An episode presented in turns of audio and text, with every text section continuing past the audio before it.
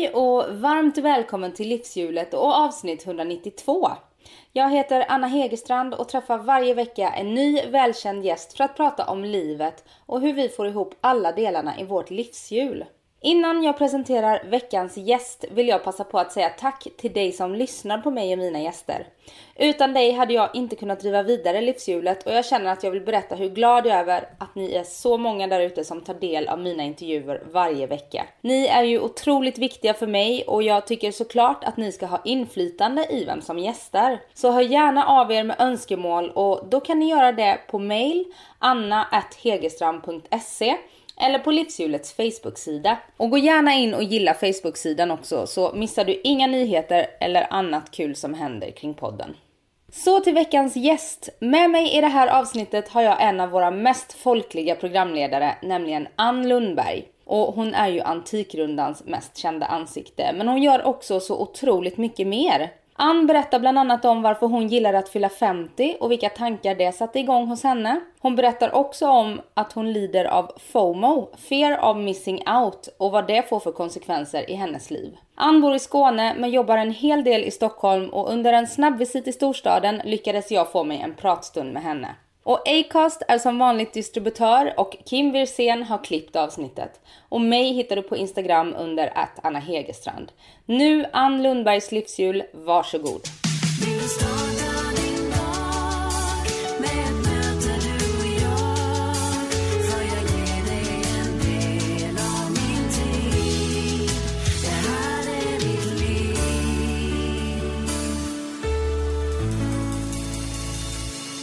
Jag eh, har ju läst mycket och gjort mycket research mm. eh, om dig här. Mm. Och eh, då säger du i en intervju att det är viktigt för dig att eh, tv ska underhålla men också utbilda. Mm. Och du gör ju väldigt många sådana program. Nej, men jag brinner ju för public service mm. och eh, för folkbildning. Jag, jag är själv supernyfiken och tycker att jag har världens bästa jobb för jag får nämligen betalt för att lära mig nya saker varje dag och för att träffa nya människor varje dag. Mm. Uh, och det är ett jätteprivilegium för jag är, jag är, nyfiken och jag vill lära mig nya saker. Jag gillar också när, när, mina åsikter ställs på sin spets. När jag får omvärdera, när man träffar någon, jag har en åsikt i en fråga, så träffar jag någon som säger nej men så är det ju inte Ann, det är ju så här det är. Och så ger de världens bästa förklaring varför ska jag tycka tvärtom? Ja men då tycker jag tvärtom. Ja. jag menar alla bonheur, jag tycker det är fantastiskt att, eh, att få ompröva sina åsikter och få lära sig nya saker. Och så jag brinner för folkbildning och det tycker jag också är SVTs uppdrag. Vi måste finnas i alla genrer, i alla tv-genrer. Vi ska också göra melodifestivaler och breda underhållningsprogram. Men alla program vi gör måste ha någon form av folkbildning eller public service. Det måste finnas ett mervärde, att man lär sig någonting. Antingen om det handlar om musik eller om det handlar om eh, människors olika villkor eh, i olika länder eller ja. Mm. Jag, jag, ehm, det, det, jag, menar, jag, jag började som nyhets och samhällsjournalist. Och eh, det var ju det, jag gick på Journalisthögskolan och, och ville jobba med, med samhällsjournalistik för att för en, jag menar jag var en väldigt, eh, eh när jag gick i skolan hade jag väldigt stort rättspatos och kände att eh, jag ville att livet skulle vara rättvist och alla skulle ha samma förutsättningar och så. Och, och som journalist, samhällsjournalist har man faktiskt väldigt stor makt. Genom att bestämma vilka Eh, historier man ska berätta. Så jobbar man på Uppdrag granskning eller på Reportrarna som jag jobbade i, i början. Genom att välja vilka case jag ska berätta om så förändrar man faktiskt ofta situationen inte bara för den människan utan för dem som har hamnat i samma dilemma som den personen. Mm. Och hur kommer det sig, för ditt, ditt första jobb som journalist var ju som skrivande journalist. Ja, eh, det var under praktiken faktiskt mm. på Journalisthögskolan. Eller, rätt sagt, när jag, som, jag sommarjobbade redan när jag gick på Journalisthögskolan. På Ystads Allehanda och på tidningen Arbetet. Men sen gjorde jag min praktik på TV på SVT i Umeå. Så alla jobb jag har haft efter att jag gick ut Journalisthögskolan har faktiskt varit på TV. Mm. Och radio har jag aldrig jobbat på. Nej. Uh, och det, det, blev ju så, jag gjorde min praktik på SVT på uh, Nordnytt som de regionala nyheterna hette, samma som ABC uh, här i Stockholm. så då var jag där en hel termin och gjorde lokalnyheter ifrån Norrland med min breda skånska, jätteroligt. Folk förstod inte ett dugg vad jag sa i början. och sen så träffade, då hade Sverker Olofsson precis dragit igång konsumentprogrammet Plus. Och han av någon anledning upptäckte mig och gillade mig så han sa, men ska du inte komma några veckor och göra praktik hos mig på Plus också? Så gjorde jag det och tyckte konsumentjournalistiken var helt fantastisk. För snacka om att förändra verkligheten för folk. Mm. Du vet du har gått och köpt ett eh, schampo och så upptäcker du att eh, den består till 80% av vatten och blir död besviken och går tillbaka till affären och så säger de bara nej, nej, nej, nej, nej. Och så ger ju konsumentjournalistiken väldigt ofta konsumenten rätt. Mm. Eh, och i det lilla det kan handla om längden på toalettpappret på en rulle eh, eh, eller det kan handla om mycket allvarliga saker som hemförsäkringar och bilförsäkringar eller, eller tvister som rör faktiskt väldigt mycket pengar för enskilda personer. Så jag tyckte, och det, är en väldigt, eh, liksom, det går väldigt fort. Oftast så räcker det att man ringer till, till företaget och säger att jag ringer från konsumentprogrammet plus. Ni har en tvist med den här personen. Liksom. Mm. Varför är det så här? Då ändrar de sig nästan alltid kan mm. man säga. Så att det var ett väldigt kul program att komma till när man var en ung och hungrig journalist. Ja det förstår jag. Och sen dess har ju du gjort eh, väldigt stora program eh, och nu så är du aktuell med Antikrundan. Ja. 28 det är 29, så... jag tror, är det inte år 29 eller 28? Du vet bättre än mig. Jag tror det är 28 ja. säsongen. Jag tror jag har Precis. räknat det fram det. 28 säsongen och då är det mitt 17 år. För jag kom ja. till, äh, Jesper Aspegren var programledare de första mm. 11 åren. Och sen har jag varit programledare. Så det är mitt 17 år som ja. programledare på Antikrundan. Och parallellt med det spelar du in en ny säsong av Landgång. Jag spelar in en ny säsong av Landgång eh, just nu ja, som ska gå i höst och även ett annat program faktiskt för SVT i Stockholm som än så länge är hemligt. Ja, vad spännande. Men du är precis eh, innan jul här hemkommen från Kuba. Ja. Havanna. Precis. Första jag... destinationen i eh, landgång. I nya landgång, ja. precis. Jättespännande. Det programmet bygger ju på att man åker till slutna exotiska miljöer eh, och utforskar den inifrån. Jag tar med tittarna till en miljö som de sällan kommer till genom maten och kocken där. Och vi har ju bestigit Kilimanjaro, vi har åkt ubåt eh, på Östersjöns botten, vi har varit på en polarforskningsstation på Svalbard och varit med OS-landslaget i segling eh, på OS och gjort mycket eh, häftiga grejer och jag känner en sån längtan till Havanna. Jag kände att gud, det här är ett land, den här miljön kommer snart att förändras. Barack Obama var där förra året på det första eh, officiella statsbesök som en amerikansk president har gjort på Kuba på 90 år.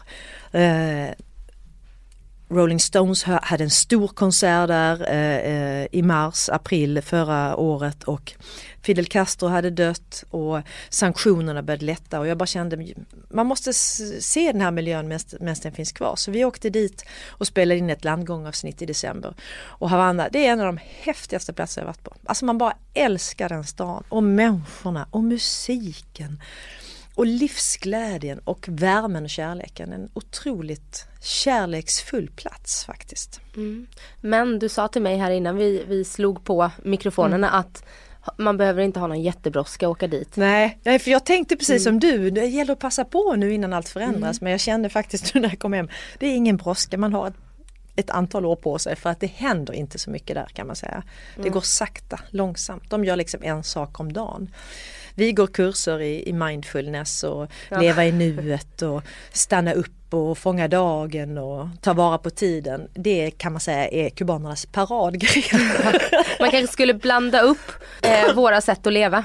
Precis, en mix hade nog varit det mest, för det händer nästan ingenting. Eller det går väldigt långsamt. Man njuter väldigt mycket av stunden, av dagen och är i nuet och eh, tänker faktiskt inte så mycket framåt. Det var min känsla. Jag, jag menar, är ju naturligtvis bara lekman, det var första gången jag var där men fantastiska människor, de har nästan ingenting, de är oerhört fattiga.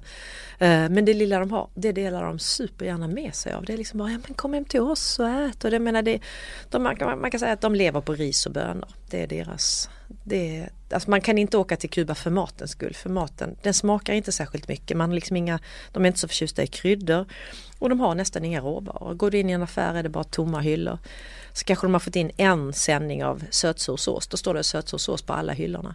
Och nästa dag kanske det kommer in en sändning av pasta. Då är det pasta på alla hyllor liksom. Men man kan åka dit för rommen. Man kan åka dit för cigarrerna, de ja. handrullade cigarrerna ja. Eh, och rommen och mm. Eh, musiken och dansen. Mm. Nästan alla um, latinska danser har, kommer ju från Kuba, habaneran och salsan och det är, sån, det är sån mix av människor för först, alltså det var ju um, när Kristoffer Columbus skulle upptäcka eh, in, ja, Indien och han råkade komma ja. till USA. Då kom han först till Kuba, så han kom först till Kuba innan han kom till, till Amerika. Eh, på 1400-talet. Eh, och sen blev det en spansk koloni. Och när spanjorerna kom dit då fanns det indianstammar på Kuba. Men då började de starta plantager och då dog de här indianstammarna ut. Men de arbetade ihjäl sig. Mm. Och då började man importera slavar från Afrika. Och så var det de som kom dit och var arbetskraft under en lång tid och sen förbjöd man slaveriet. Och då tog man in kineser eh, som man tog in på långtidskontrakt på tio år och betalade dem värdelösa löner men de var åtminstone inte slavar utan de fick betalt. Uh, och så det är en enorm mix av människor. Mm. Alltså det är, ju, det, det, är en så mångkulturell ö. Det, det, finns, det finns en stor Chinatown, det finns uh, människor av alla färger, av alla uh, slag och en enorm, en, fantastisk smältdegel av människor måste jag säga.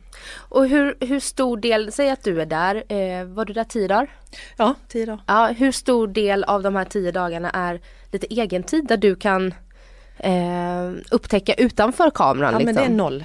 Ja det är det. ja, nej, men vi åker dit och sen filmar, sätter vi på kameran när vi landar och sen så stänger vi av den när vi åker kan man säga. Mm. Sen redigerar vi ju precis som du kanske gör den här podden så att man klipper ju ut eh, det bästa men vi filmar från morgon till kväll det kan man säga. Ja. Jag är ju där för att jobba men det spelar ingen roll. Mina, några av mina mest fantastiska resor i livet har jag gjort med jobbet. Mm. Därför att jag kommer till miljöer som jag annars aldrig hade fått komma till. Jag har ju varit med ombord på ubåten Halland på en expedition, hemlig expedition i Östersjön. Man hade ju aldrig fått komma ombord på en ubåt om, om det inte var för att jag skulle spela in ett tv-program. Eller vara på den här polarforskningsstationen i väglöst land i norra, på norra Svalbard. Så att mina häftigaste reseupplevelser har varit med jobbet. Och man möter ju människor och man kommer hem till folk och man får med på bröllop och barndop. Och, mm det är ett fantastiskt sätt att resa. Alltså jag är så privilegierad måste jag säga. Ja och det blir ju några resor om året. Ja. När du jobbar med, med den här typen av program. Ja. Hur är det privat då när, när du inte jobbar? Mm. Nej men jag reser ju inte när jag inte jobbar. Nej. jag, då vill jag gärna vara hemma. Ja. Uh, och uh, nu är mina barn stora. Min yngsta son är 18 och min äldsta son är 20. Så de bor själva hos mig eller bor de hos sin pappa eller så nu är det inte så farligt men när de var mindre så var det ju väldigt plågsamt att resa. Så man drabbades ju av det här att alltid känna att man inte räckte till. Att eh, var man på jobbet så kände man att man borde ha varit hemma hos sina barn. Och var man hemma hos sina barn så kände man någonstans att man borde ha varit på jobbet. Och var man än var så, så längtade man någon annanstans. Och det, det är ju ganska slitigt och, och det är ju samma för alla oavsett vilket jobb man har. Tror jag att de här första tio åren när man blir förälder är, de är slitsamma. För det är oftast samtidigt man också är som mest aktiv på jobbet och gör karriär och vill utvecklas. Man är liksom Egentligen borde man sätta jobbet på paus när man blir förälder de första åren och sen kan man släppa på den här pausknappen när barnen är i tioårsåldern. Och ja. för, för på något sätt är det, när barnen börjar skolan då får de ju en egen agenda. Då spelar det ingen roll om du är hemma för de måste ju ändå gå till skolan. Men de här första åren tyckte jag man hade mycket dåligt samvete. Mm. Samtidigt som sätter du jobbet på paus så kanske det är svårt att oh, ta upp det igen. Det är ganska många mm. som vill ha både ditt jobb oh. och, och, mitt jobb tänker oh. jag nu som nybliven förälder. Att det står många på kö och tar den platsen. Nej, men, så man gör ju inte det. Jag Nej. gjorde inte heller det, du har inte gjort det. Och, utan man, man kämpar på. Men, och, och, man är ju inte ensam, alla gör ju det oavsett jobb egentligen kan man säga. Mm. Eh, så jag tror att det är lite, det är den tiden i livet, det är den tiden man hade dåligt samvete, det var ju när barnen var små. Mm. Och eh, nu då? Ja nu är de stora. Så ja. nu, men det roligaste är ju faktiskt att nu är det ju mer så här att nu är jag ju mycket intress mer intresserad av att vara med dem än vad de är att vara med mig. Så vet jag sitter hemma, åh ska vi liksom, ska vi gå på bio ikväll? Nej, Nej men vi kanske ska, ska vi spela lite spel? Nej, nej jag ska träffa kompisar, jaha okej. Okay. Men de är i det här mellanläget, sen om typ tio år ja. så kommer de tycka det är mycket roligare att umgås med Ja precis, då kommer de förhoppningsvis vilja att man passar deras barn. Ja, ja. ja exakt. exakt. Och eh, för du fyllde 50 här eh, förra året. Ja, ja precis. Jag, jag, läste någonstans att du firade, drog ut på firandet ja, hela året. exakt. Jag tyckte det var jätteroligt att fylla 50 måste jag säga. Jag tyckte att det var lite så här en halvtidsavstämning på något vis. Um, du vill leva tills du är hundra? Nej men i den bästa av världar. Jag menar vi blir ju ändå äldre och äldre. Ja. Och jag menar det kan ju hända något imorgon så man vet ju ingenting om någonting. Men i den bästa av världar så kan man ju i teorin åtminstone leva till man är 100. Och har man fyllt 50 så är det någon form av halvtidsavstämning. Och fram tills dess har ju livet varit väldigt inrutat. Först var du ett litet barn, då var det ju andra som bestämde över dig. Sen gick du i skolan i väldigt många år. Mm. Och då var du in inne i det schemat och då hade du inte heller så mycket valfrihet och sen när du slutade skolan och kanske du gav dig ut på resa i världen och träffade kompisar och så småningom började du fundera på vad du skulle bli och då började du studera. Och sen kanske du träffade en pojkvän eller flickvän och eh, så småningom eh, slog ni er ihop och bildade familj och sen hade man små barn och hela den här småbarnstiden och, och då hade man ett jobb och så utvecklade man jobbet och man kanske hade ett hus eller en lägenhet och mm, liksom mm, Allting har varit så inrutat och det har funnits förväntningar på vad man ska göra i en viss ålder. Men jag tycker från den dagen jag fyllde 50, dels har jag inga plikter, det är ingen som förväntar sig att jag ska göra något speciellt utan jag kan göra precis vad jag vill. Mm. Um, och då måste jag ju fundera på vad är det jag vill? För det är inte så lätt att veta. Vill jag bara ha det som jag har det och fortsätta så? Eller vill jag lära mig fler språk? Eller vill jag lära mig ett instrument? Eller vill jag byta jobb? Ska jag verkligen jobba med... Jag har jobbat med samma sak i hela mitt liv. Jag har varit anställd på SVT i 27 år. Eh, och har trivts varenda dag. Jag har faktiskt roligt på jobbet varje dag. Men trots det, är det det enda jag ska göra eller ska jag våga mig på att göra någonting annat? Och vad skulle det vara? Ska jag skriva en bok? Ska jag jobba med mänskliga rättigheter? Ska jag... Jag menar, jag kommer ju inte utbilda mig till läkare eller till elektriker eller utan det får ju vara någonting som jag kan göra eller ja men det bestämmer jag ju bara själv. Så, ja. var ska jag bo? Ska jag bo i något annat land? Och hur resonerar du kring de här sakerna då? Nej, men jag, det är det, jag har ju inte alla svaren färdiga. Det, det, har man ju inte men jag tror att det är viktigt att tänka att livet är lite grann som en Finlandsfärja. Den tuffar, det tuffar på. Mm. Man har sina vänner och man har sina barn och man åker på sina semesterresor, man har sitt jobb eller sina arbetskamrater eller ungefär så här ser livet ut.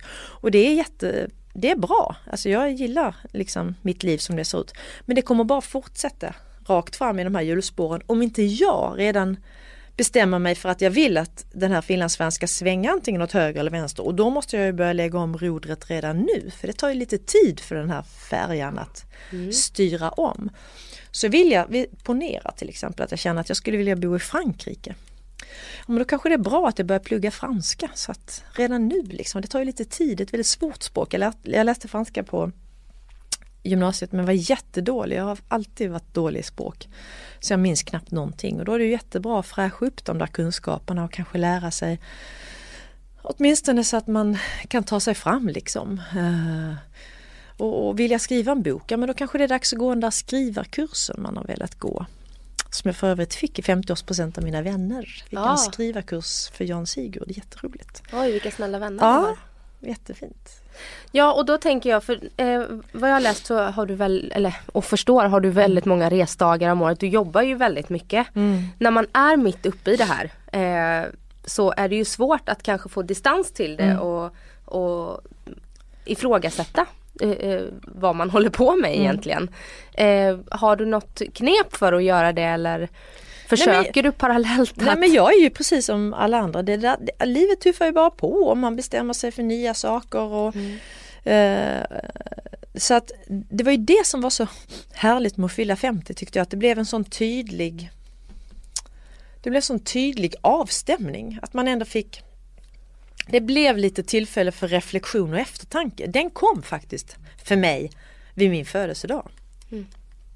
Jag älskar mina vänner och jag älskar min familj. och jag älskar mitt jobb.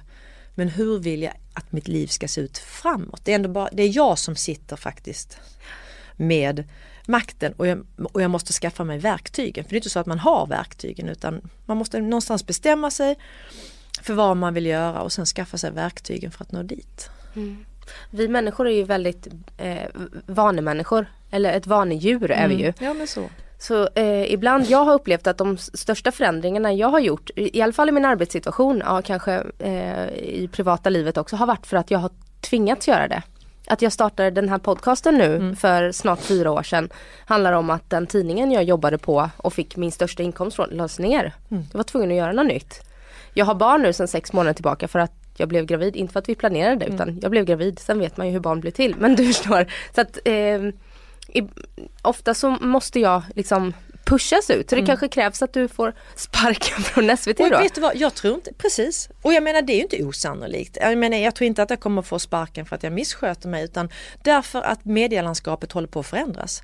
Folk slutar titta på linjär tv mm. och uh, tittar nästan bara på, på webbaserade, webbaserade tv-serier, um, tv-program och så. Och jag menar det är klart att man måste få tänka sig att ska SVT ha anställda programledare? Nej, det är väl mycket bättre att man har ett stall med frilansare så plockar man, eh, plockar man in den som passar till det här programmet som mm. kanske ska gå på, ligga på SVT Play eller plockar in den här programledaren till något program som, eh, ja, som ligger eh, på webben eller till, vi kanske börjar göra podcasts på SVT, vem vet? Och vi, mm. jag menar, man väljer de som passar för den produktionen, för den plattformen.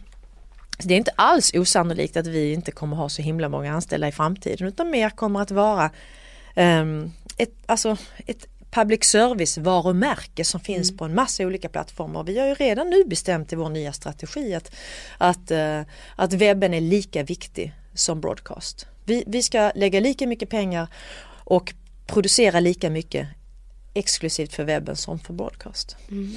Det är både spännande och läskigt. Ja, men det är ju här, man, för det är precis som du säger, jag tror man måste måla in sig i ett hörn. Mm. Att bli om jag blev uppsagd kanske är det bästa som kan ha hänt mig för det är, det är för stort beslut att fatta själv efter ja. 27 år. Åh, jag ska säga upp mig.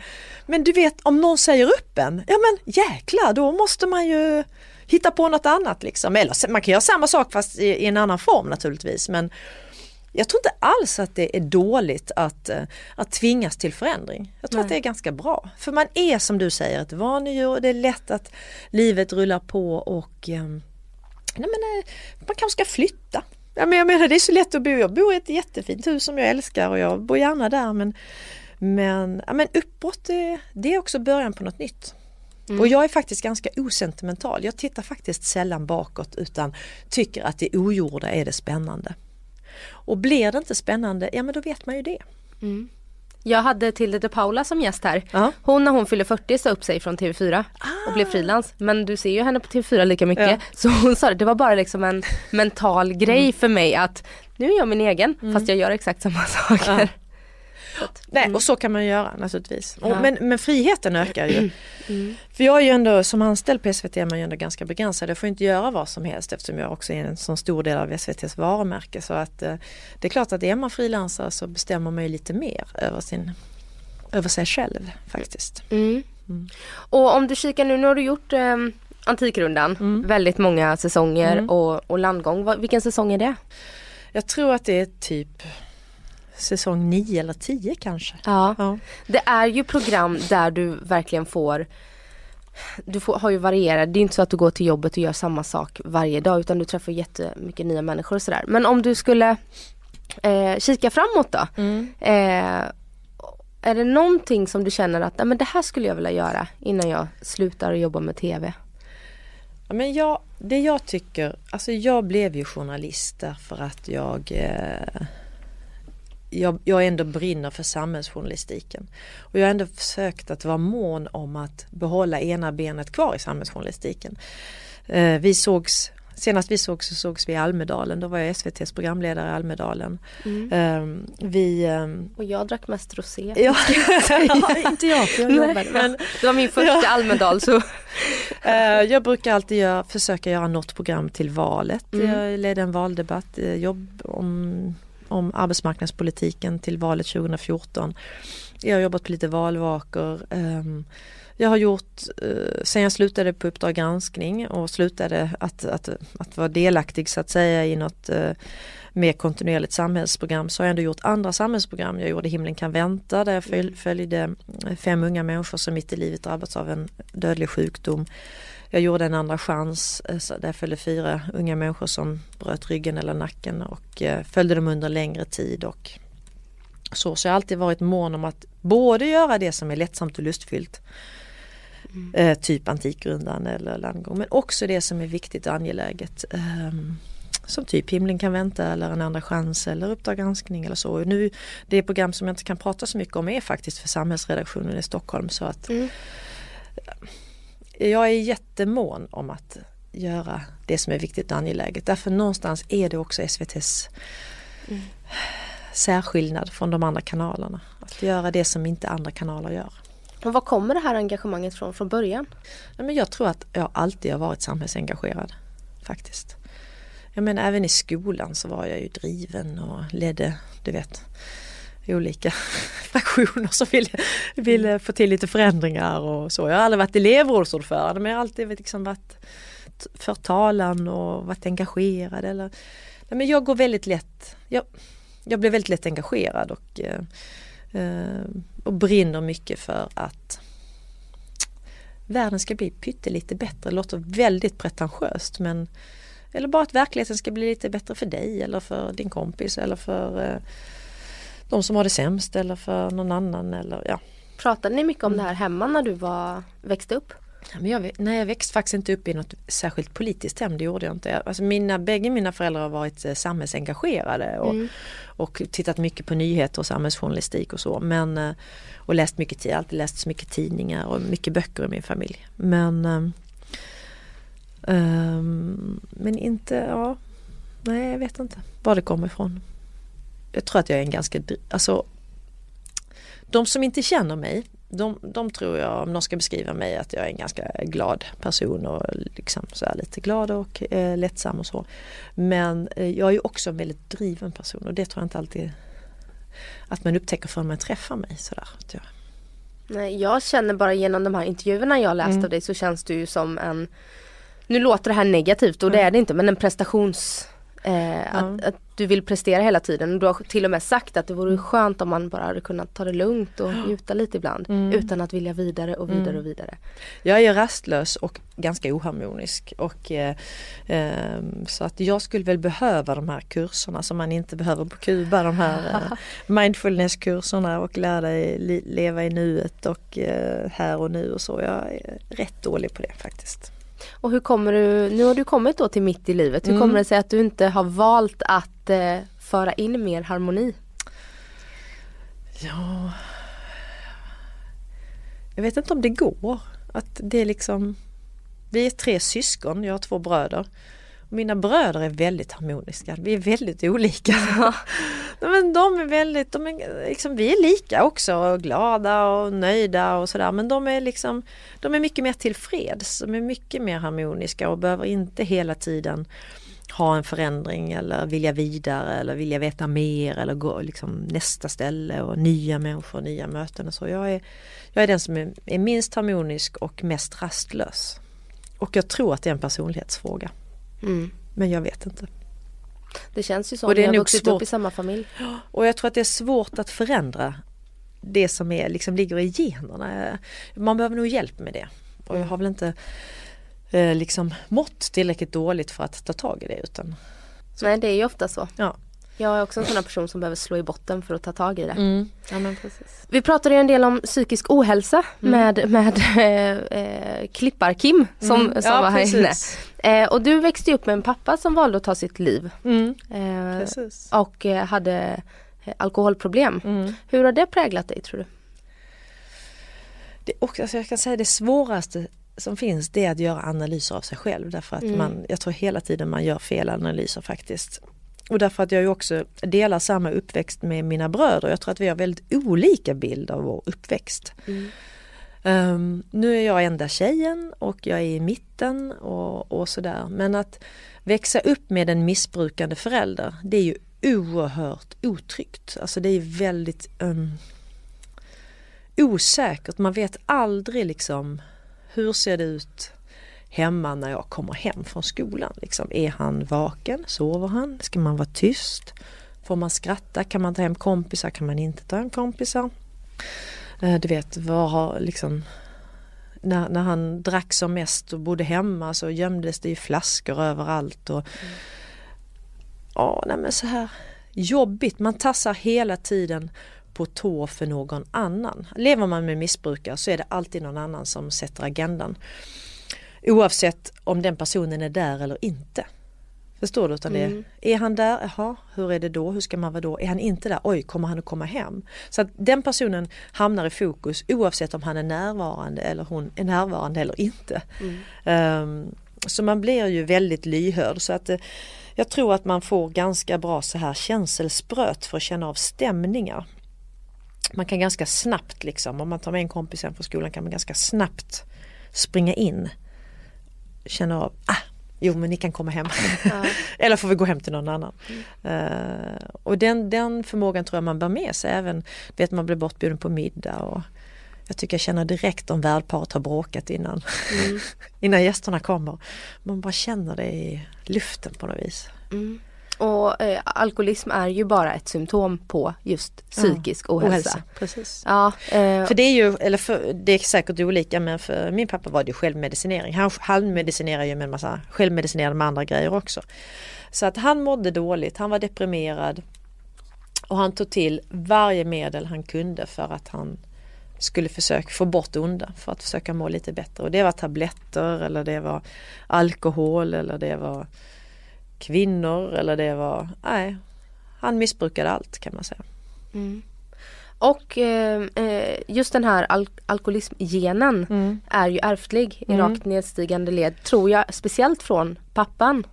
Har du eh, fun, liksom varit varsam med ditt eget alkohol Alltså bruk? Ja men alltså vi är ju tre syskon och vi är faktiskt väldiga måttlighetsmänniskor alla ja. tre och det tror jag faktiskt beror på att vi har ju sett alkoholens och tablettmissbrukets avigsidor. Det är inte så jäkla charmigt alltså. Um, så jag kan absolut ta ett glas vin på en fredagkväll och det är inte så att jag inte dricker alkohol. Men jag dricker inte särskilt mycket. Så kan jag säga. Jag tycker inte att jag tycker att jag har sett för mycket negativa konsekvenser. Så kan man säga.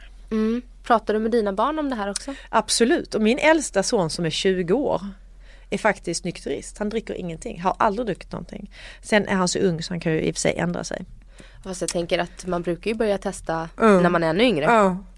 Och sen har jag en 18-åring och han har inte alls gett uttryck för samma tankar. Så att, nej, det är så. Nej. Men um, nej, och jag vet inte alls om det har, för jag menar jag dricker ju ändå uh, alkohol då och då, och, men i väldigt måttliga mängder och, och, och hans pappa dricker också alkohol och så men nej han, han gillar inte det. Han gillar inte att inte ha koll. Han gillar inte att tappa kontrollen liksom.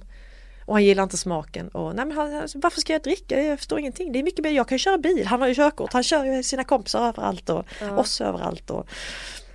Men det, och det finns ju, även om det är, man romantiserar alkohol mm. och sådär väldigt mycket idag så finns det ju tendenser som visar att, att, eh, att man tar det lugnare med alkohol. Jag har intervjuat flera personer som, som har valt att att lägga bort mm. eh, alkoholen helt. Mm. Ola Salo bland annat ja. eh, minns jag Eh, han eh, la bort både kött och alkohol och sånt där. Så vad, vad, vad njuter du av i livet? ja, men jag tror summan av lasterna är konstant. Alltså. Ja. Det är bara Tänk ja, vidare något, så kommer du... Något annat då? Ja. Vilken är Nej, din men... största last då? Var, nej men jag är en, eh, jag lider av FOMO, Fear of Missing Out. Mm. Ja, min största last är att, att jag har så otroligt svårt att tacka nej till saker. Mm. För jag tänker, tänk om det blir jättekul. Alltså jag har ett enormt socialt behov. Jag hatar att vara ensam. Jag älskar att omge mig med, med, människor och jag älskar liksom att göra grejer ihop med folk som jag tycker om. Med min familj, med mina barn eller med kompisar och så. Mm. Men grejen är att om man, om man aldrig tackar nej så blir det, det blir så slitigt att hinna med liksom. Och man mår mycket bättre av att om man tackar nej till hälften och så, så njuter man mycket mer av, den, av de grejerna man faktiskt gör. Mm.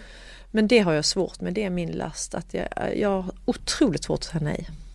Jag hittar ofta en lösning hur jag kan säga ja.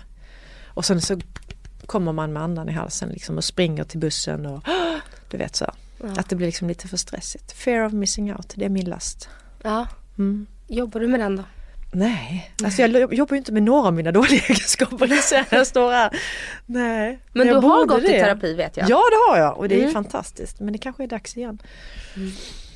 Jag tycker, jag, jag tycker så... att jag blir lite bättre på att säga nej. Men uh, du hittar ju en lösning för hur vi skulle kunna träffas. Ja men precis. Du får en taxi ja, ut till Bromma. Ja, Okej. Okay. Jag ska med ett flyg hem till Skåne här nu ganska snart. Men ja. ja, nej men det är ju roligare att säga ja än att säga nej. Ja, jag tycker att för mig är det nästan tvärtom. Jag Jaha. säger ofta ja, sen bokar jag av i sista ah, sekund. Okay. Mm. Min kille brukar säga det, du har så himla mycket roligt inplanerat ja. och det är galapremiärer och det är det ena med det tredje. Men du går ju aldrig på någonting. Jag orkar inte. Nej. Men det kanske räcker att anmäla sig och så har du ändå fått lite av den. Ja men precis. Ja, men, valmöj valmöjligheten i alla fall. Ja men jag tror att de som skickar inbjudningarna de vet ganska mm. säkert att nej men Anna hon ja. kommer inte komma. Nej, vi räknar inte med henne ändå. Nej precis och då tänker jag ju verkligen att så mycket jag missar. Mm. Så att, eh... Fast, fast jag menar, det är inte så att man missar någonting egentligen utan du är kanske hemma mm. med din lilla underbara sex månaders baby och med din kille och ni äter en god middag och mm. pratar om livet och gör mycket, mycket roligare och viktigare saker än vad du hade gjort på den där premiären. Mm. Du hade bara stått där och sen så, ja du vet, det är ändå lite Ja det är inte, mm. inte så att man inte har varit på en Nej. tidigare. Och det kanske inte hade gett dig någonting Nej. mer men det samtalet och den kvällen mm som du valde att vara hemma istället kanske ger dig mycket mer i livet. Och ge, det finns tid för reflektion och eftertanke, det som vi behöver och du får vila batterierna och bli en gladare mamma och en gladare flickvän. Och, ja. Mm.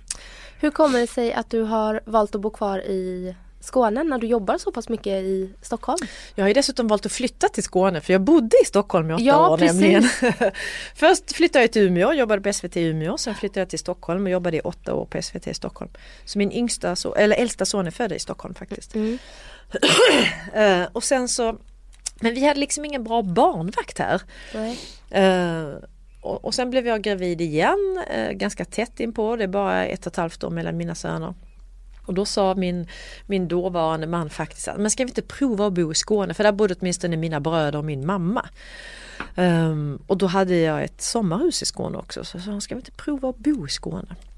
Och då uh, var han pappaledig med äldsta pojken och jag blev mammaledig med yngsta pojken. Mm. Och så provbodde vi i Skåne ett år och så trivdes vi så himla bra. Och han jobbade också på SVT. Eh, så sen förflyttades hans tjänst från SVT i Stockholm till SVT i Malmö och sen förflyttades min tjänst från SVT i Stockholm till SVT i Malmö och så blev vi kvar där. Och eh, även sen vi separerat så bor han kvar så att eh, det var ett bra byte. Nej, jag älskar Skåne. Jag har min familj där och mina barndomsvänner och jag gillar ljuset och jag, gillar, jag bor på landet, jag gillar landet. Och, och det heter, är det precis utanför Skivarp, heter det där? Ja precis. Och hur nära Ystad ligger det? Nej, men jag bor kanske en och en halv, en, en och en halv mil från, utanför Ystad, längs sydkusten. Världens vackraste väg går och slingrar sig mellan Ystad och Trelleborg. Mm. Eh, väg 9 heter den. Den bara slingrar sig så nära vattnet man bara kan. Och det är så fint. Där bor jag. Så att jag bor fantastiskt vackert, väldigt lantligt ute på en åker men jättefint faktiskt. Mm. Jag läste en intervju i Grannliv, ja. heter tidningen sådär. De hade ju, nu ju, kunde ju den här journalisten måla upp det ja. väldigt idylliskt med vajande rapsfält ja. och, och fruktträd i trädgården och sådär. Men du odlar en del själv? Ja, jag Ja, men jag har en ganska stor trädgård och bor i ett gammalt hus med en gammal fruktträdgård och mycket frukt. Och, nej, men jag gillar, jag tycker det är roligt att ha trädgårdsland, odla min egen potatis och jag gör äpplemust. Jag eh, åker med mina äpplen till Kiviksås musteri och så får de mm. musta äpplen åt mig och jag gör fläderblomsaft från trädgården. Och, ja, jag tycker det är, jag, alltså jag är faktiskt väldigt domestic och jag tycker det är ljuvligt att se något växa liksom, i min trädgård som jag sen tar hand om. Um, jag gillar landet, jag gillar att gå ut och sitta på trappen och se, känna väder och vind och vad det är för årstid och se vädrets växlingar i naturen och det skuttar en hare eller ett rådjur på tomten och jag tycker jag gillar det. Ja. Sen är ju en fördel med Skåne är ju att våren kommer ju oh, i mars. Precis. Här kommer den i maj. och jag kan säga vi har ingen snö, nu vet jag inte, jag åkte upp igår. Ja. Ingen snö hemma. Det är minus 40 uppe i norr. ja. jag, jag har ju bott i Umeå i två år. Jag var ju snacka om att vara som en fisk på torra land. Ja. Ja, först hela vintern var bara mörkt, mörkt, mörkt och sen så på sommaren var det ju bara ljust, ljust, ljust. Mm. ja, det är som en kolsäck. Fast det är fint, jag gillar Norrland. Jag vill ändå bara säga att jag trivdes faktiskt jättebra i Umeå. Jättefin stad, väldigt ung stad, många unga människor. Och väldigt kulturell och kreativ stad. Men det, och det finns ett um- universitet i Umeå visst? Mm, Ja. Som är jättestort i förhållande till antalet invånare i stan. Så det är därför det är så ung medelålder.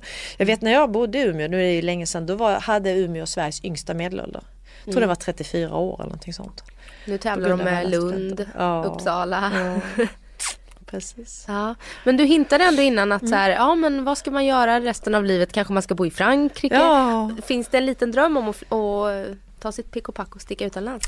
Nej men jag tänker att eh, eh, man vill göra olika saker. Nej men detta är ju min rastlöshet bara som talar nu. Det är ju liksom, det är, det är inte mitt bekväma jag utan jag bara tänker att nej, men man vill ju uppleva nya saker. Jag tycker det ska vara underbart. Jag bodde i USA i två år efter gymnasiet. Åkte dit som au pair och passade barn och sen träffade jag en kille där. En svensk kille som jobbade som pilot i USA och så bodde vi tillsammans där. Eh, och jobbade där. Tyckte det var otroligt lärorikt. Var i USA? sa du? Jag bodde i Palo Alto där Stanford-universitetet ligger i Kalifornien. Ja. Fantastiskt klimat, väldigt innovativt område, eh, roligt att vara ung eh, svensk tjej i USA på 80-talet. Där jag åkte dit 85 och, och åkte hem 87. Eh, nej men jag, man lär sig väldigt mycket av att bo på andra ställen eh, och se hur, hur människor lever och, och gör där. Skulle du kunna tänka dig att bo i USA idag då? Med allt som Nej, men jag, skulle hänt. hell- jag skulle faktiskt hellre bo i något annat land. Känner. Ja. jag. jag skulle vilja bo i Afrika. Jag är väldigt förtjust i Afrika. Jag har, jag har varit i ganska många afrikanska länder och spelat in tv-program i Rwanda, i Kongo-Brazzaville, i Tanzania, Sydafrika, Namibia, Botswana. Nu ska jag till Mosambik och spela in ett nytt landgångarsnitt. Uh, det ska vara urhäftigt. Alltså detta är en kontinent som det bara bubblar ju av utveckling och av innovation. Uh, att, att, han, att vara på ett ställe där, där det har funnits väldigt uh, små uh, marginaler liksom. Men där nu hela allting bara bubblar. Som i Rwanda till exempel som jag också var och spelade in ett landgångarsnitt. De har högst kvinnliga, alltså det är så lätt att tro att vi är så fantastiska på jämställdhet i Sverige. De är ett mycket jämställdare land än vad Sverige är. De, har, de är det land i världen som har högst kvinnlig representation i sitt parlament. Jag tror att 64 procent av alla, av alla ministrar och eh, parlamentariker i Rwanda är kvinnor. 64 procent. Oj, ja. Så att det, det händer mycket i de här länderna i, utvecklingen. På något sätt som att vi, vi, vi lutar oss mer tillbaka och tycker att vi har det bra men där, där vill man bara ha det bättre. Mm. Och då hittar man på väldigt smarta lösningar och inser att nej men det är kvinnorna som har gått i skolan för så ser det ut i världen idag. Att det är, allt, vi får börja få en, en kvinnlig överklass i form av utbildning så att säga. Mm. Att det är allt, de flesta som går på universitet runt om i världen är ju kvinnor. Ehm, och då ska vi utnyttja det så vi vill ha många kvinnor i beslutande positioner i vårt land. Verkligen. Då måste också kvinnans roll anpassas lite efter det. Mm. På tal om eh, prestation och psykisk ohälsa. Ja. Så. Nej men så Afrika skulle jag gärna bo i och skulle gärna bo i något annat europeiskt land. Det, det behöver inte vara så länge. Jag älskar ju Sverige och sådär men ett tag skulle vara kul. Och så som sagt prova på att jobba med någonting annat. Mm. Egentligen bara för att få erfarenheten från en annan värld eller en annan bransch eller Jag kan också tycka så här, jag älskar mitt jobb verkligen men någonstans så gör jag ett kvalificerat tidsfördriv, det kan jag ändå säga. För om jag fick önska skulle jag ju hellre vilja att folk pratar med varandra på kvällarna eller på dagarna än sitter och tittar på sin dator eller på sin TV. Ehm, men sen är det klart, om de ändå ska titta på sin dator eller TV så vill jag ju gärna att de ska se på SVT. Så är det. Ja. Och någonting Men jag som menar- gör att de utvecklas. Jag vill ju hellre att människor träffas, möts, äter middagar, pratar med varandra, utbyter tankar, utbyter erfarenheter. Så, så någonstans jobbar jag ju i en genre som är ett kvalificerat tidsfördriv och någon gång i, i livet så skulle jag göra, vilja göra något som är viktigt på riktigt för andra människor. Ja. Det Så kan jag känna när jag träffade Viktigt på riktigt. ja, När när jag andra liksom, ja. Ja, jag träffade min eh, kusin som jag inte har sett på 11 eller 12 år och Mm. hans nya tjej som jobbar som åklagare. Jag tänkte, åh, ta ett riktigt Ja, jobb. ja. Vad häftigt. Mm. Men när hon kommer hem från, från jobbet då eller ska gå och träna så kanske det är skönt för henne att då titta på Antikrundan eller lyssna på en podd när hon Mm. är ute och går och så här. Så att man bidrar ju ändå. Absolut, nej men eh, visst gör man det men eftersom man nu är i branschen och där man gillar att göra olika saker så känner jag att någon gång i livet skulle vara kul att göra det som är viktigt för andra människor på riktigt. Alltså att jobba, jag skulle tycka det var fantastiskt, nu har jag ju helt fel utbildning men jag skulle vilja jobba med demokratifrågor, med mänskliga rättigheter, någon form av bistånd, eh, någonting, eh, det skulle jag vilja. Ja. Grejen är bara att man, biståndsorganisationer de vill ju bara ha liksom, kvalificerad utbildad personal och jag har liksom inte läst fred och konflikter. Jag har inte läst eh, Jag är inte väg och vatteningenjör och jag kan inte bygga du vet, eh, broar och, och jag är inte läkare, kan inte jobba med Läkare utan gränser utan jag är ju journalist och man kan i och för sig jobba med vissa demokratiseringsprojekt som journalist. Man kan hjälpa till att bygga Precis. upp en fri radio och tv och så men eh, jag har Och- inte och- riktigt hittat rätten. Nej men och som du gör, åker ut i världen och skildrar. Ja, absolut. absolut. Ja. Eh, Du sa innan att, eh, att du är väldigt social. Mm. Men du bor själv i ett eh, hus. Jag bor tillsammans med en 18-åring och en 20-åring Ja, de bor och fortfarande två hemma. katter. Ja, de bor hemma fortfarande. Ja, alla Och- bor hemma. Och katterna, visst har du en ragdoll? Ja, det har Ja. jag. Smilla.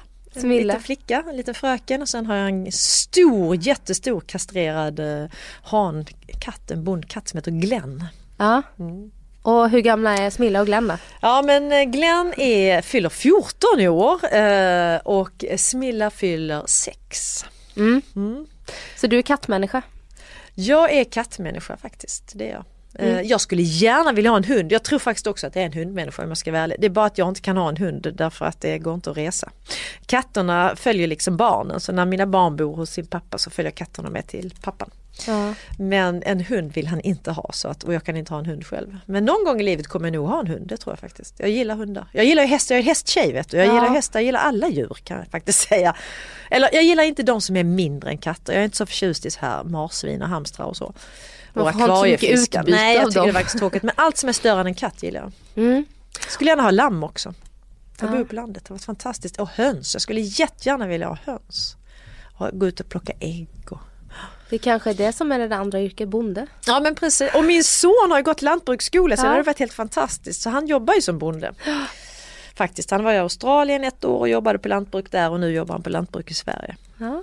Men tyvärr så kostar, det går inte att köpa en gård idag. Det är ju, det är för mycket pengar. ja, det är så dyrt. Ja det är jättedyrt. Så han jobbar ju då som hos en annan jordägare Okej. som dräng helt enkelt. Men eh, det är klart att om jag sadlar om och tar något gigantiskt jättelån kanske jag kan köpa en pytteliten gård. Jag vet inte som man kan driva. Ja. Man, man kanske kan börja smått, en Ja. liten gris och så en Ja, liten kyckling. ja precis. Exakt. Och hur tänker du framöver då när dina pojkar flyttar ut? Mm. Eh, skulle du vara öppen för att träffa kärleken igen och bo ihop med en annan man? Absolut.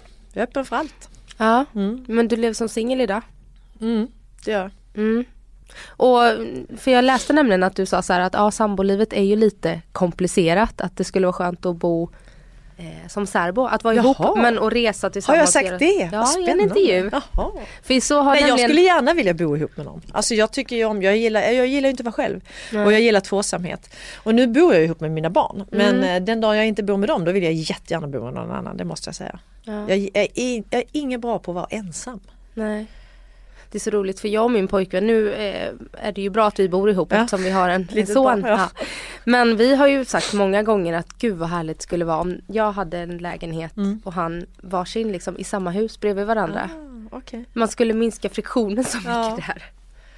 Fast det är ju mysigt, vet du vad jag tycker är mysigt? Alltså de, de här roliga tillfällena när det är helg eller man går på fest eller man åker på semester eller man går på middag eller på premiärer eller bara träffar kompisar.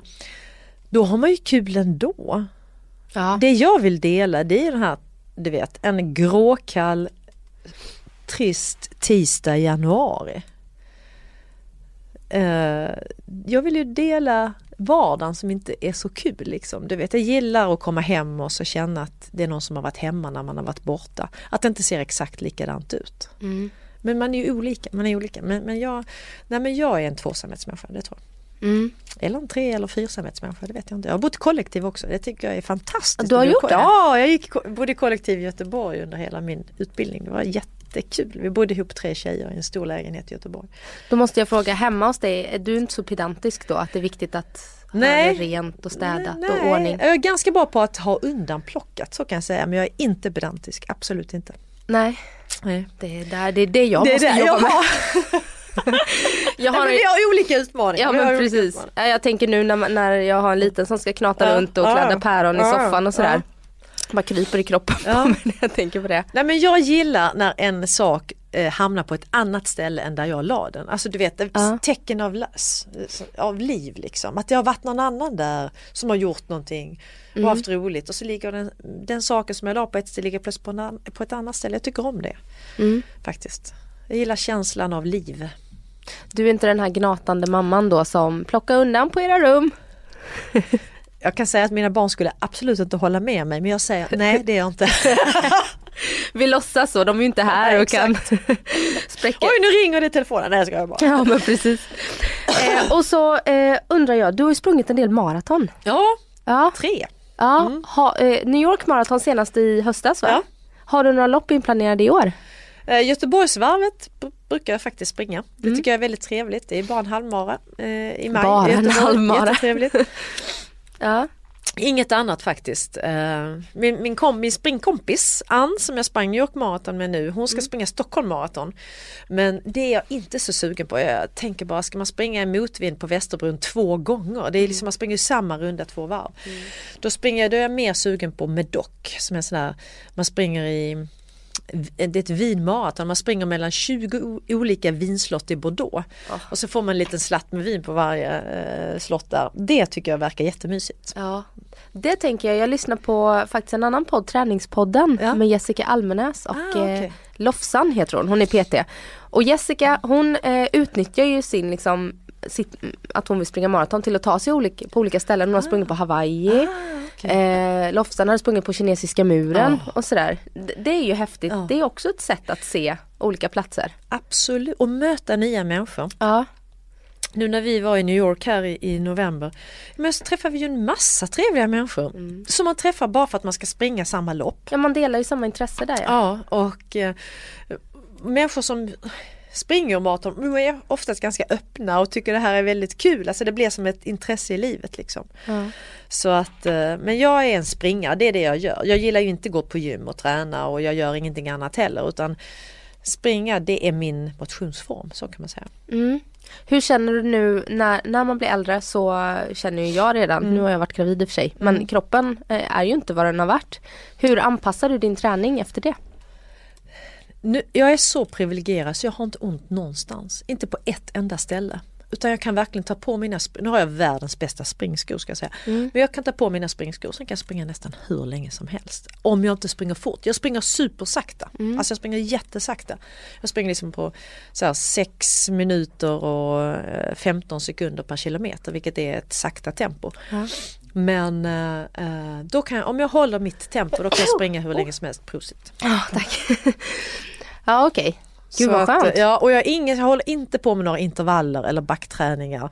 Och jag går inte på gym. Jag gör ingenting annat. Jag tar på mina skor, sticker ut och springer. Möjligtvis hoppar jag havet och simmar. Alltså du vet, jag älskar att, eh, när jag blir varm i kroppen så älskar jag att bada på alla konstiga ställen. Och sen hem, jag stretchar inte ens, jag gör ingenting. Alltså helt fel, gör inte som jag men eh, ja. Men, och så tar jag med mina skor vart jag än reser, alltså med jobbet och så. Så jag har sprungit mitt i Tokyo, jag springer ofta i Hyde Park när jag är i London. Och, så både om jag åker på semesterresor eller på jobbresor så tar jag alltid med mina springskor. Och så springer jag en tur på morgonen. Får man se en, ett nytt ställe vakna till liv. Det är också ett sätt att turista och resa. Ja, verkligen. Och på tal om resa, jag ska släppa iväg dig här nu. För det står en taxi och väntar på dig alldeles strax. Ah, okay. Ann, tack så jättemycket. Det var jättetrevligt. Jag säger kunde Ann. prata hur- Anne. Nej men Ann heter jag faktiskt. Ja, det är men- så engelsk stavning. Ja, Ja. för jag har alltid, jag har ju skrivit Ann till dig. Mm. Eh, Jaha okej. För att nu ska jag säga att eh, stavningen är inte min främsta liksom sådär gren som journalist. Nej nej. Men, men Vad bra att ha en podd. Ja, ja, verkligen. Men om man uttalar fel ändå så. Ja men då är det Ann. Ann men, heter det, jag. men det stavas. Och, men det spelar, du får kalla mig vad du vill, det är inte så noga. Jo då. Faktiskt. men jättekul att vi fick till att ses. Ja, absolut. Ehm, ja. Och eh, ha ett härligt 2017 nu. Detsamma. Och Detsamma. alla spännande platser du ska besöka i landgång. Kan du, du, Mosambik ska du besöka. Ja, Har du några mer som ja, du eh, kan det tisa om? ja, ja, och i februari tror jag Egypten. Jag tänkte jag skulle göra ett litet Indiana Jones avsnitt där vi får vara med på någon arkeologisk utgrävning i Egypten när man öppnar någon grav. Och, ja, så. Ah, Vi får se. spännande. Precis. Ja. Och ha det så bra nu. Ja men detsamma. Tusen tack för att jag fick komma. Ja. Hej då! Hej då.